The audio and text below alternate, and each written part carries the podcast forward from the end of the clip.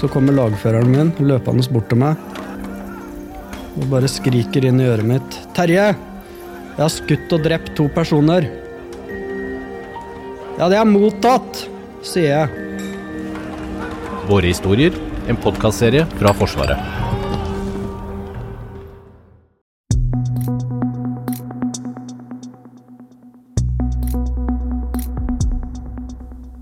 Pga. den mest alvorlige sikkerhetspolitiske situasjonen i Europa på flere tiår, bestemte regjeringen i dag at Forsvaret skal heve sin beredskap og gå over til en ny fase i sitt planverk. Hva innebærer denne nye fasen, og hvordan vil nordmenn merke endringen? Forsvarssjef Eirik Kristoffersen forklarer den økte beredskapen. Du hører på en ekstraepisode av Forsvarspodden. Jeg heter Fredrik Tandberg. Forsvarssjef Eirik Kristoffersen, kan ikke du forklare hva er det egentlig som har skjedd i dag?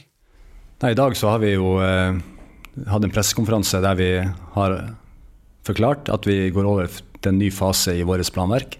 Det betyr at vi går inn i en fase der vi øker beredskapen i Forsvaret ytterligere. Og vi kommer til å spisse aktiviteten mer mot, eh, mot den situasjonen vi, vi, står i. Også er utfordringa at situasjonen er usikker. Det er det er vanskelig å være helt konkret, for det er ingen direkte militær trussel mot Norge. Eh, men det er summen av, av, eh, av usikkerhet som gjør at vi, vi, nå går inn i et nytt, eh, et nytt nivå på beredskap i, i, i Norge for Forsvaret. Hva innebærer dette i praksis? I praksis så betyr det at aktiviteten vår kommer til å være styrt av situasjonen. Så vi, hvis vi skal si det veldig enkelt og militært, så er det jo at at vi går over på, på å drive aktivitet som er mer basert på det situasjonsbildet som både Etterretningstjenesten og politiet og Nasjonal sikkerhetsmyndighet presenterer til enhver tid. Eh, I praksis vil det bety akkurat nå eh, mer tilstedeværelse i Nordsjøen eh, med både kystvakt og, og marin og, og overvåkningsfly. Det betyr at vi skal gjøre det samtidig som vi skal opprettholde overvåkenheten i nord og et tettere koordinering med allierte rundt og og eh, ha et godt overblikk over havområdene utenfor Norge. Eh, hvordan vil eh, nordmenn merke dette? Poenget er at folk flest skal ikke merke så mye. Det som jeg har sagt før, i den situasjonen vi står i, så er det, så er det engelske uttrykket 'keep calm and carry on', som må være det vi styrer etter. Det er, det er summen av usikkerhet som gjør at vi går til dette skrittet i Forsvaret. Og hvis vi ser tilbake igjen til til oktober i, og november i fjor, så så vi jo en russisk styrkeoppbygging utover Ukraina. Eh, som gjorde at vi i Forsvaret innførte beredskapstiltak allerede 8.12. Eh, og så har vi innført stadig flere beredskapstiltak i forsvarssektoren, som vi kaller det. Eh, utover vinteren, og spesielt etter invasjon. Eh, og så, og så har situasjonen endra seg eh, kontinuerlig. Eh, Ukraina er på offensiven. Eh, det går dårlig for de russiske målsettingene i Ukraina. Eh, og vi ser en retorikk fra, fra president Putin som er enda mer aggressiv. Eh, de bruker missiler nå for å slå ut infrastruktur i, i Ukraina. De angriper sivile mål, som er helt utafor krigens folkerett. Og så har vi samtidig sett både økt droneaktivitet i Nordsjøen, i hvert fall fått rapporter om det, og, og gasseksplosjonen i Østersjøen. Så det er summen av alt som gjør at vi vi skjerper beredskapen i Forsvaret. Denne beslutningen er jo eh, tatt etter et råd fra deg. Hva, hva konkret innebærer det rådet, og, og, hvordan jobber du når du gir et sånt råd? Ja, forsvarssjefen har mange fullmakter. De fullmaktene er jo fullmakter som gjør at vi skal sikre oss at uh, Forsvaret kan gjøre det som er nødvendig for å møte enhver situasjon.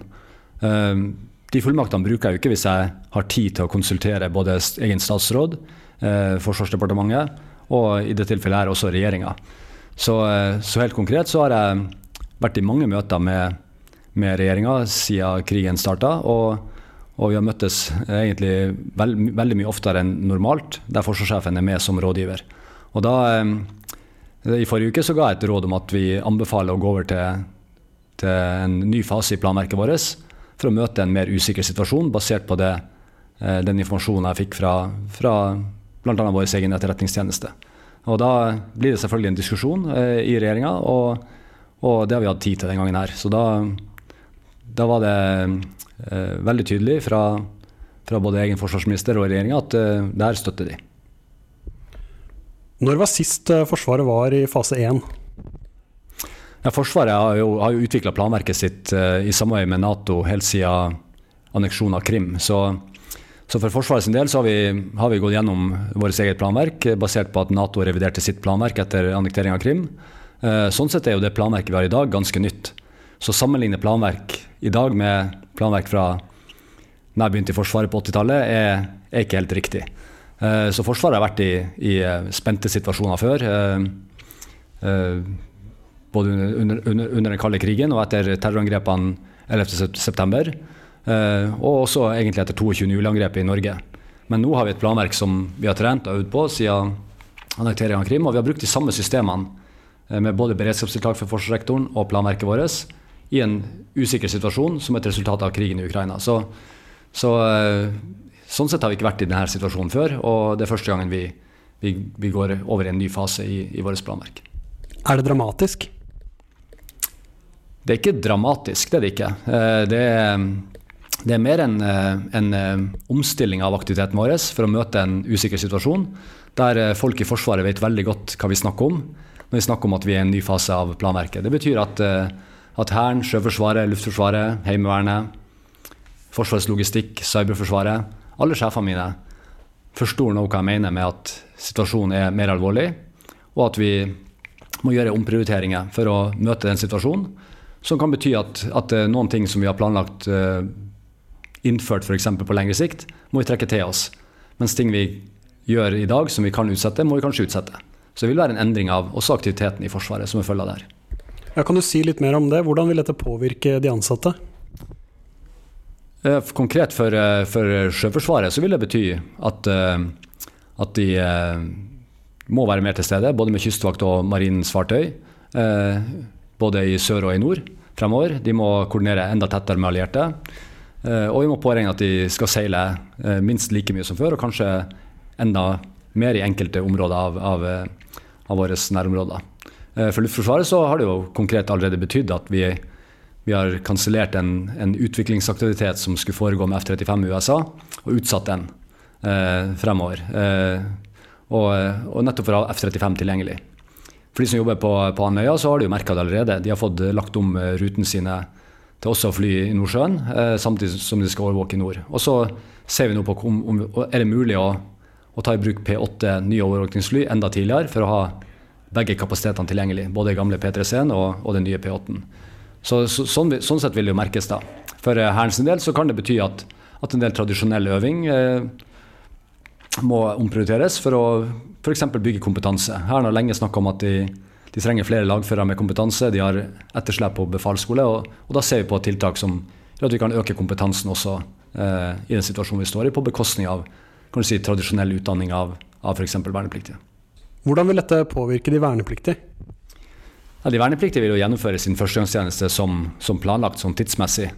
Eh, vi har jo kansellert en, en, stabsøvelse som vi skulle ha nå i høst, med Forsvarets operative hovedkvarter og Forsvarsstaben og alle grenene. Den, den, gjennomfører vi ikke for å frigi både ressurser, mennesker og tid for å møte den situasjonen vi står i. Uh, så de vernepliktige kan jo risikere også at, at større øvelser kan bli eh, kansellert eh, for at de må løse oppdrag isteden. Heimevernet har jo merka det allerede. Vi har kalt inn heimevernssoldater for å stå vakt på olje- og gassinstallasjonene. Og det er folk vi tar inn fra det sivile, nettopp fordi de er lokalkjent, de har trent på oppdraget. Og så får vi se om, om vi kan bruke andre eh, eh styrker fra Forsvaret for å løse tilsvarende oppdrag, hvis det blir mer av det. Men alt dette er basert på, på at vi må være, vi må være ha bedre årvåkenhet, vi må være mer tilgjengelig, og vi må også kunne støtte sivilsamfunnet og politiet eh, hvis det er behov for det. Dere har sagt at uh, dere skal være forberedt, eller Forsvaret må være forberedt på å stå i denne situasjonen i et år. Hva innebærer det? Nå brukte jeg bare et år som et eksempel, fordi jeg har fått et konkret eh, oppdrag om å ha maritim tilstedeværelse i Nordsjøen i det neste året. Eh, jeg er forberedt på, at det kan vare lengre. Eh, det henger jo sammen med krigen i Ukraina. og, og eh, Forsvaret er jo allerede i gang med å trene opp ukrainske soldater i Storbritannia. Og vi har også hatt ukrainske, ukrainske soldater som har fått opplæring på f.eks. artilleri.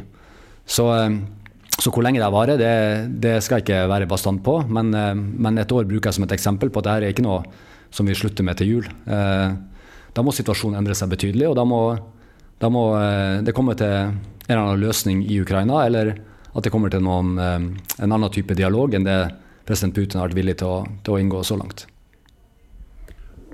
Vil den situasjonen vi står oppe nå, endre eh, forholdet vårt til Russland? Siden 2014 så har vi hatt et endra forhold til Russland. Eh, før 2014 så hadde vi også militær til militær utveksling eh, og, og eh, samtaler med Russland på militær side. Vi hadde, vi hadde f.eks. et, et forsvarssjefsmøte i, i, blant de arktiske forsvarssjefene, der Gerasimov også var med i 2013. Eh, etter 2014 så, så, har det ikke vært noe sånn aktivitet. Det vi har opprettholdt siden, siden 2014, er jo, er jo, den dialogen vi har hatt rundt både grensekontroll Vi har gjennomført protokollmøter med, med, FSB, som det heter på russisk side, der vi går gjennom hvordan gjennomføres grensekontrollen. Vi har opprettholdt samarbeidet uh, for å være best mulig forberedt mot, mot, uh, i forhold til søk og redning i Barentshavet, der uh, både Russland og Norge har et ansvar hvis det skulle skje noe. og vi har videreført en avtale som heter Incidents at Sea, som går på, på hvis det skjer uønska hendelser mellom f.eks. et russisk fly og et uh, norsk fly, så, så kan vi uh, gjennomføre protokollmøter. Og så har vi opprettholdt uh, den uh, direktelinja som er mellom Forsvarets operative hovedkvarter, uh, generalløytnant Yngve Odlo og sjefen for Nordflåten. Så den, den linja er fortsatt opprettholdt. Og det er jo også for å bidra til å bevare så lav spenning som mulig i nord, og det ønsker vi å fortsette med. Så det, det, det kommer ikke til å endre seg i, i denne dialogen med, med Russland. Og vi opplevde også nå når når eh, britiske og norske fartøy seilte i Barentshavet, at opptreden mellom russiske fartøy og, og, de norske var som vanlig profesjonell og høflig og, og respektfull. Så det, det, håper jeg bidrar til, til at vi har lav spenning. Du sa at eh, Heimevernet kanskje må være forberedt på enda mer aktivitet. Hva, hva konkret innebærer det? Ja, konkret nå så har vi jo økt øvinga i Heimevernet. Det har vi gjort allerede. Så, så flere heimevernssoldater er er kalt inn på trening enn det som var planlagt før invasjonen skjedde. da. Eh, og det har vært lengre treningsperioder også for Heimevernet. Eh, og så ser vi at vi har kalt ut heimevernssoldater for å stå vakt ved olje- og gassinstallasjoner. Og vi må være forberedt på at det kan komme nye bistandsanmodninger fra politiet eller, eller fra andre som gjør at vi må respondere. da. Og da er jo Heimevernet veldig lett å tyte i første omgang, fordi de har trent på de her oppdragene med objektsikring. De, de er lokale, de, de kjenner kan du si, terrenget og, og området de skal operere i. Og, eh, og en god ressurs til å, til å løse sånne oppdrag. Og så er det begrensa hvor lenge Heimevernet skal stå i sånne ting. De har også tatt en stor belastning under pandemien, der de sto på grensekontroll over lang tid. Så, så Heimevernet har vist seg som en viktig ressurs eh, igjen. Og, eh, og, så ser vi hele tida på hvordan vi skal løse oppdraget. Skal vi bruke heimevernssoldater, eller skal vi bruke andre avdelinger med folk som vi har inne til tjeneste til daglig. Så det er en kontinuerlig dialog. Hvor alvorlig vil du si at situasjonen er nå? Det er en veldig alvorlig situasjon i Europa. Det er krig i Europa. Det er en krig som jeg ikke ser noen militær løsning på akkurat nå. Eh, Russland kan fortsatt trappe opp. Eh, Ukraina kan definitivt også trappe opp. Eh, det er et stort land, de har mange ressurser. Eh, de får støtte fra Vesten, de er avhengig av den støtten. Vi trener opp også soldatene deres, så det kan vare lenge. da. Og det er alvorlig. Det er store tap på begge sider. Eh, og sårene etter denne krigen kommer til å vare tenker jeg, så lenge jeg lever.